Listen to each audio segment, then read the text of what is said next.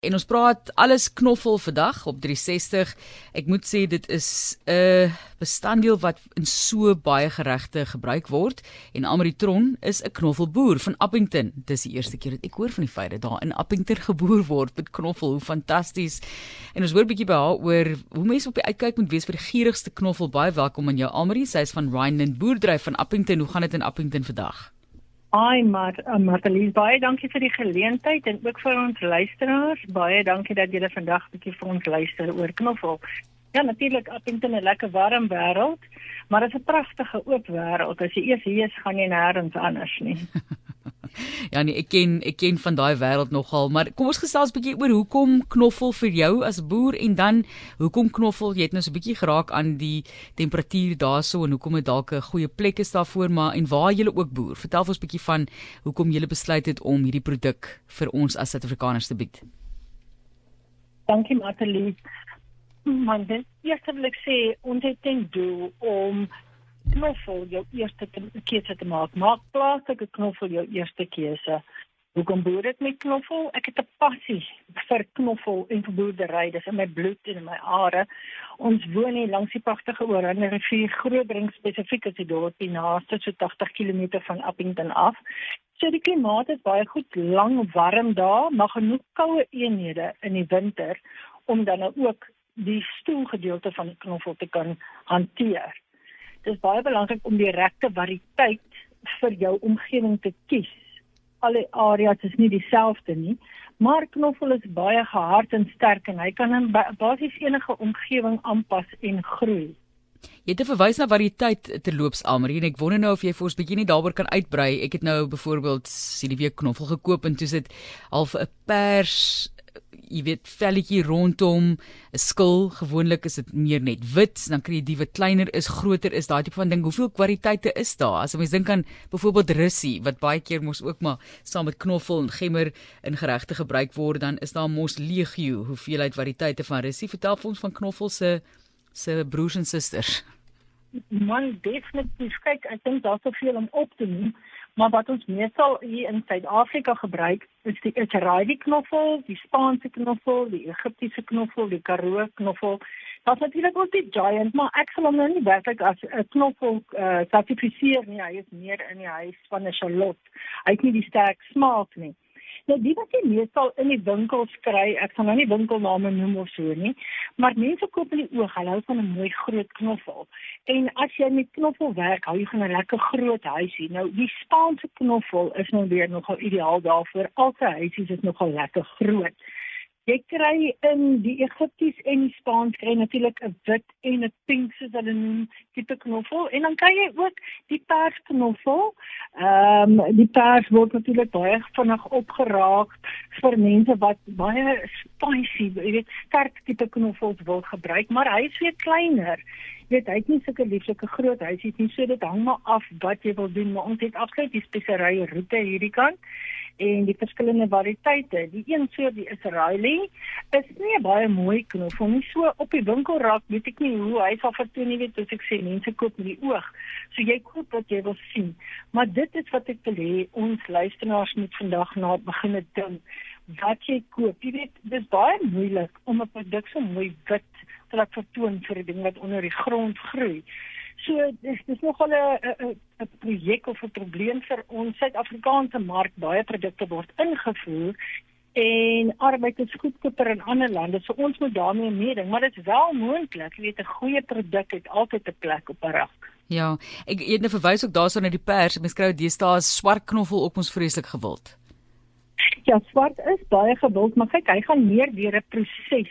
Goed. Hy basies gebak moet word en hy vat lank en jy weet dit is heeltemal iets maar daar is natuurlik soveel te doen met knoffel. Ek meen ons almal gebruik byvoorbeeld die inaparant produkte en as jy op haar etikette gaan kyk al hulle souse al hulle speserye enige ding alles het 'n knoffeltjie daarin Julle um, praat van daai swart knop wat mos 'n heerlike geur en 'n mos baie sterk. Jy kan dit nou nie in enige ding gaan gooi nie, maar julle het die wonderlike uh, rivier, die Oranje rivier, die Gariep wat daar deurvloei. Hoeveel water het 'n mens vir 'n knoffelboerdery nodig? Ek knoffel hou nogal van water. Hier langs die Oranje rivier gebruik ons meestal vloedbesproeiing. Ehm uh, wat natuurlik nou die tyd waar daar so gesukkel word met krag baie ideaal is. Knoffel hou nie van sy water van bo af nie, so spulpunt of daai tipe ding werk nie. Die vloedbesproeiing is natuurlik nie ideaal nie. Dit is miskien miskien net 'n bietjie te veel. So drupbesproeiing is eintlik die heel beste. Maar ek meen hier ons kom langs die Oranje rivier, hou sommer elke naweek langs die rivier 'n draai en dan gooi jy jou 'n bakkie, 'n volle groente bakkie met my heel knoffels of halfveerde knoffels daarin met 'n bietjie room en jy bak hom en daar's niks lekkerder as daai saam met jou braaivleisie. Dit is heerlik, maar uh, vertel vir ons hoe arbeidsintensief is knoffelboerdery? Knoffel is regtig baie arbeidsintensief. Dit is 'n baie goeie ding om finansiëel mee te boer. Jy kan op 1 hektaar so goed doen as op 10 hektaar, maar dit harde werk jy moet hom plant, jy moet hom oes, jy moet die bossies ophang, jy moet hom skoonmaak, maar jy kan die regte resultate verkry en dit verskaf natuurlik die broodnodige werk. Jy weet, jy's werklik 'n groot arbeidstekort in die gemeenskappe. So daai tye wat die mense inkom vir die werk, is hulle sommer baie vrolik kom vroeg want hulle werk vir hulle self. Jy weet jy jy jy sê tipe aanskoring wat jy gedoen kry vir die dag, dit wat volgens jou loon is. Dit is 'n uitdaging, dit is baie lekker. Nou, jy weet jy jy sit nou daar op 1 hektaar. Jy het gesê jy braai graag en daai heel knoffel wat jy so in die vuur of in die oond kan bak en dan druk jy die huisie uit, dan gaan daai baie mense hou nie van die uh, knoffel reuk nie. Hulle sê nie hulle weet wil nie dit op hulle asem sê of wat nie, maar daar gaan baie van daai reuk dan verlore. Dit is eintlik dan 'n heerlike gereg, né? Hy is absoluut heerlik. Kyk, dit is mos nou nie dan na 'n baie sterk soos 'n vars knoffel wat jy miskien baie ouens eet vir gesondheidsdoel eintlik sommer net 'n jolknoffel wat hy ingelê het of so. Maar as hy eers gebak is, is hy glad nie so sterk nie en dit is nie eintlik net altyd op die asem nie. Hy trek eintlik uit jou vel uit, maar ek wat nou heeldag of aldag met dit deel, jy ryk of proe dit nie eintlik nie. En kyk, my vriende kry met in elk geval niemand wat kla nie. So ek dink daai eintlik is miskien in die minderheid en aan die ander kant as jy weet van al die uh, uh, uh, mediese voordele wat 'n knokkel vir jou inhou en wat dit vir jou kan doen, dan gaan jy glad nie omgee om 'n knoffeltjie te gebruik nie. Ja, die sakkie nê wat hier voor op jou bors hang met die knoffel in wat die ou mense ingeglo het. En ehm um, hoeveel knoffel kom uit die buiteland en hoeveel word in Suid-Afrika dan verbou? Ja, ja, dit is maar vir ons regtig nog 'n probleem. Ehm um, 75% van die wêreldknoffel kom natuurlik van China af ons land voer meer as 50% van al ons knoffel in. So ek sou regtig sê daar moet eintlik meer ondersteuning vir plaaslike markte wees. Jy weet ons motto local is lekker. Ehm um, ek sê seker jy kom in die winkel, daar's een mandjie op die rak. So wie weet wat se knoffel dit is? Dis ja waarskynlik ingevoer. So moet dan nie iewers nog 'n rak wees wat sê dis vir Suid-Afrikaanse knoffel nie. Dit is lyk. En die ouens se kans gee om hulle produkte uit te sit en net die verbruiker self kies. En dan moet hy hoorie maar ek het nou 'n keuse. Ek kan daai informeer of daai informeer en dis al hoe jy regtig iemand gaan opvoed om te weet hoorie maar daar is 'n verskil in die soorte knoffel. En dan word ons nie so toegegooi met net ingevoerde produkte nie wat miskien ook weet dit is 'n duurder produk dit word ingevoer alhoewel hulle arbeid baie goedkoper is. Maar ek sou sê maak plaaslik geproduseerde knoffel jou eerste keuse. Jy weet as kyk na die naspeur en naspoorbereid van ingevoerde produkte. As ek hier my my kitterwinkel lewer moet ek 'n baie baie uh, organies gesonde verbruikersproduk voorberei en hulle gaan weer streng toetse om seker te maak my produk is veilig en reg vir die publiek om te gebruik.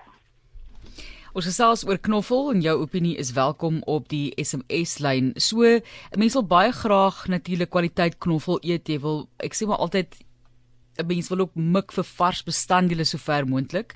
Partykeer is dit nie moontlik nie. Partykeer wil 'n mens iets pikkel of hoe dit ook al sê, o, 'n pikkel pikkelknoffel is ook een van my gunsteling uh, dinge om te eet sommer so direk en hy gee ook glad nie dan daardie vreeslike knoffel geur nie. So baie baie interessant, maar hoe sien mense dit raak? Hoe sal mense dit erken?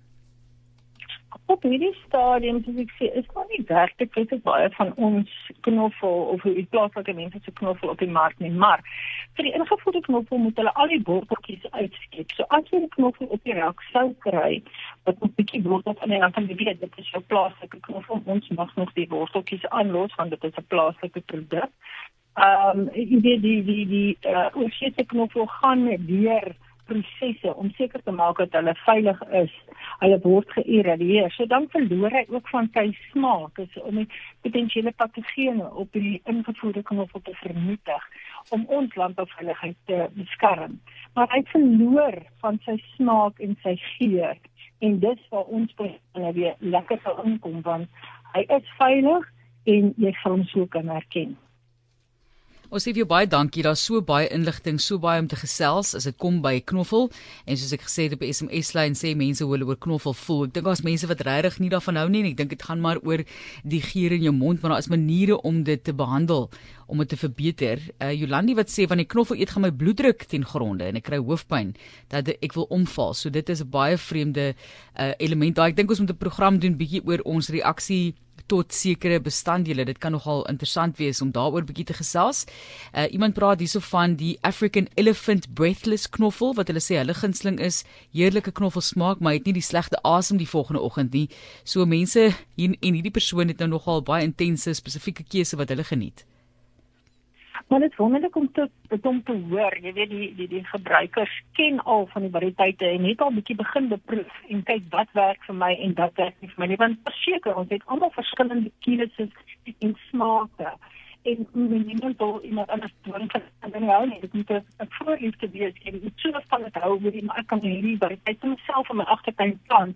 En jy hoef net 10 plantjies te plant om genoeg voorraad vir jou te hê vir die jaar want jy weet as jy een hele bol vat dit omtrent 8 of 10 huisies en jy breek daai en elke liewe huisie word weer een hele nuwe knoffelbolletjie. So jy kan baie ver kom deur sommer net 'n klein paar knoffeltjies te te hê, maar ook koop 'n goeie saad, ehm uh, byvoorbeeld Graceland seeds wat uh, al jare ervaring het. Jy weet onthou die wat net by die winkels is wat geïrradieer is, gaan partykeer nie eers groei nie, jy weet nie dat jy het nie.